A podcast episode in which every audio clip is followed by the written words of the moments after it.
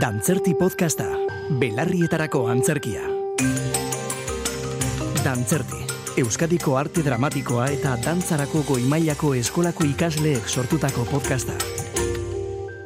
Ramon Barearen Gulliver janari harinak interpretatuko dugu, patxotegeriak itzulia.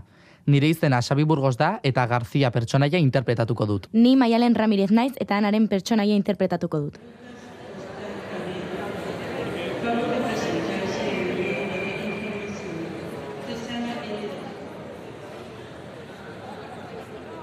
Irurak eta berrogeita bost PM? Irurak eta berrogeita bost PM. Ok, what's your name? I have not told you yet! Ez duzu karras egin beharrik. Oraindik ez dizudala esan. Esaidan ba. Ana dut izena. Ok, sekretaria mordo bat ezagutzen dut ana izenarekin. Zu Garzia jauna zara? Berbera. Ejekutibo mordo bat ezagutzen dut Garzia izenarekin. Garzia asko dago, egia da. Baina denak ez dira Garzia saltzaietan onena. Beraz, nola nahi duzu deitzea? Garzia saltzaietan onena edo Garzia besterik gabe. Humoresena duzu eta azkarra zara. Zure lanean ere azkarra izango al zara. Lanean askoz azkarragoa naiz. E, irurak eta berrogeita zazpi PM, Bai, hor nonbait. egiazta zazu mesedez. Irurak eta berrogeita zazpi PM. Very well. Munduari bira eman dion inoiz? Askotan, eta ik? Ezazu nirekin ikaitz egin. Bai, Garzia jauna. Hori hobe dago. Nere honek esango dizut noiz hasiko garenika. Badakin nondik zabiltzan. Neska argia zarazu. Nahiko argia bai. Ezkongabea? Beharrezko alda galdera horri erantzutea? Nahiago dut jakinaren gainean egon. Hanka ez sartzearren. Dibortziatuta nago. Bikai. Zergatik bikain. Ba, nik badakit zertaz ari naizen. Eta zu, ezkonduta zaude ezta? N- nire kontuetaz beste une batean arituko gara. Ondo dago. Eta orain, asola ez bazaizu, esango alzen idake zein da negozio bidaia honen report A. Etzazu negozio bidaia deitu. Commercial rate bat da, sartu ezazu hau buruan. Ez da beraz market prospection bat?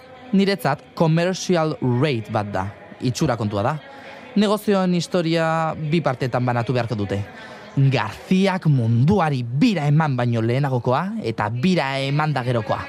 E- Eta zure begiek ikusi ahal izango dute. Mil esker. Bizitza negozio hutsa da, panpina, eta mundua merkatu eder bat. Norberak egiten ez duen negozioa beste batek egingo du bere probetxurako. Ez duzu uste? Nahiago dut nire iritzia isilpean gorde. Ederto, indar berritu egiten naiz oztopen aurrean. E, irurak eta berrogeita mar PM, ez dala? Bai, hala da. Bos minutu ateak isteko.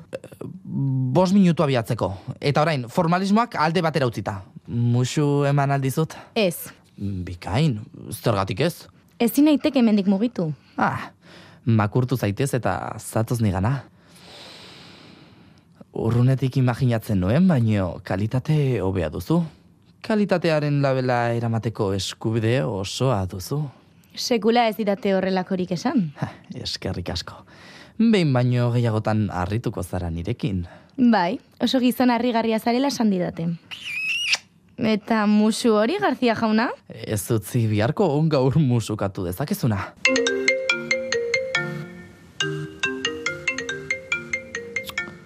Bai, hemen Garzia esan. Bai, hemen Garzia esan. Barkatu une batez. Hola, maitia. Bai, duela ordu erdi bat hartu dut. Hobeto, bi esker. Orain ez dut eztulik egiten. Bai, deituko dizut, edo fax bat bidali. Muxu bat, eh? Ezin dut hitz egin ondo-ondoan daukat. Zera, idazkaritza. Ez dakit, enpresa bidai bakoitzean pertsona berri batek hartzen dit. Ez, mondoinedo ez, jainkoari esker beste bat da. Beno, lastana, joateko ordua da. Bai, asko, goodbye. Eh, ba, Irurak eta berrogeita emeretzi PM, puntu puntuan, guazen. Barkatu handereñoa, musu eman aldizutia da? Bai, Bikain, bideiari hasiera ona ematea gustatzen zait. Guazen ba? Ze iruditzen, oso original da. mi esker. Prest, Beti nago prest. E- egin aldizut galdera intimo pare bat? Pare bat, Pare bat? oso intimoak. O- oso. Aurrera, Garzia zaltzaietan onena jauna. Lehenengoa. Zein da zure grazia? Ha, uste nuen ez zen idala inoiz galdetuko. Enpresaren merkatal nazioarteko ikerkuntza saieko burua naiz. Nazioarteko legegintzan aditua naiz. Bost hizkuntzatan mitzatzen dakit eta bilakatze prozesuan dauden herrialdeen ekonomia analisiari buruzko bi liburu argitaratu ditut. Bidaiari buruzko txosten teknikoa egiteko ardura daukat. Ongi, ongi. Unibertsitariak gustoko ditut. Oso promiskoak dira. Eta bigarrena, Promiskoak besterik gabe, nik badakit zer esan nahi dudan horrekin. ez. Bi galdera egin behar zenidan ez da? Ah, zein da zure azpiko arroparen kolorea? Ez naiz gogoratzen. Baina bidadetarako, azpiko arropa paperezkoa eraman ohi dut. Praktikoagoa da. Paperezkoa, paperezkoa, gora!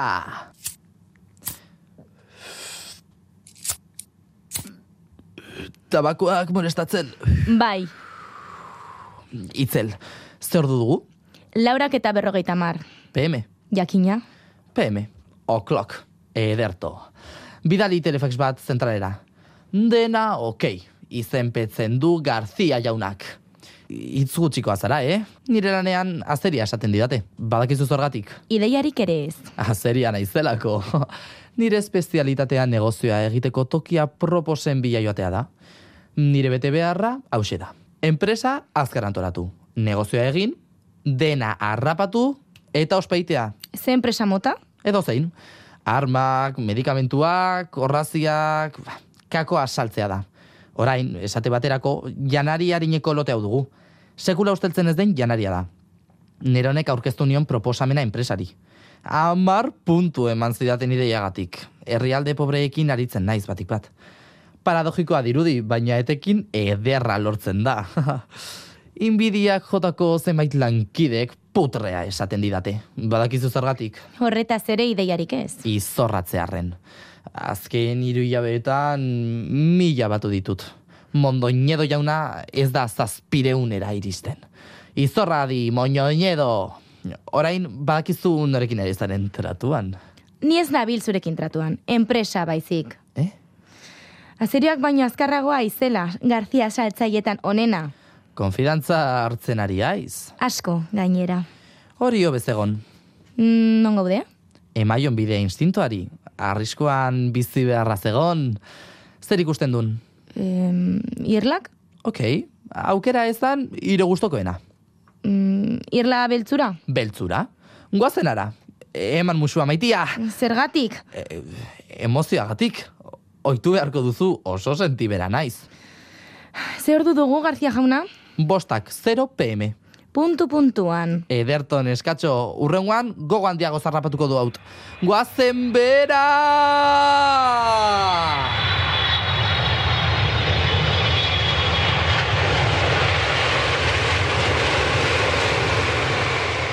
Dantzerti. Euskadiko arte dramatikoa eta E dantzarako goimailako eskolako ikasleek EITB podcasterako sortutako podcasta.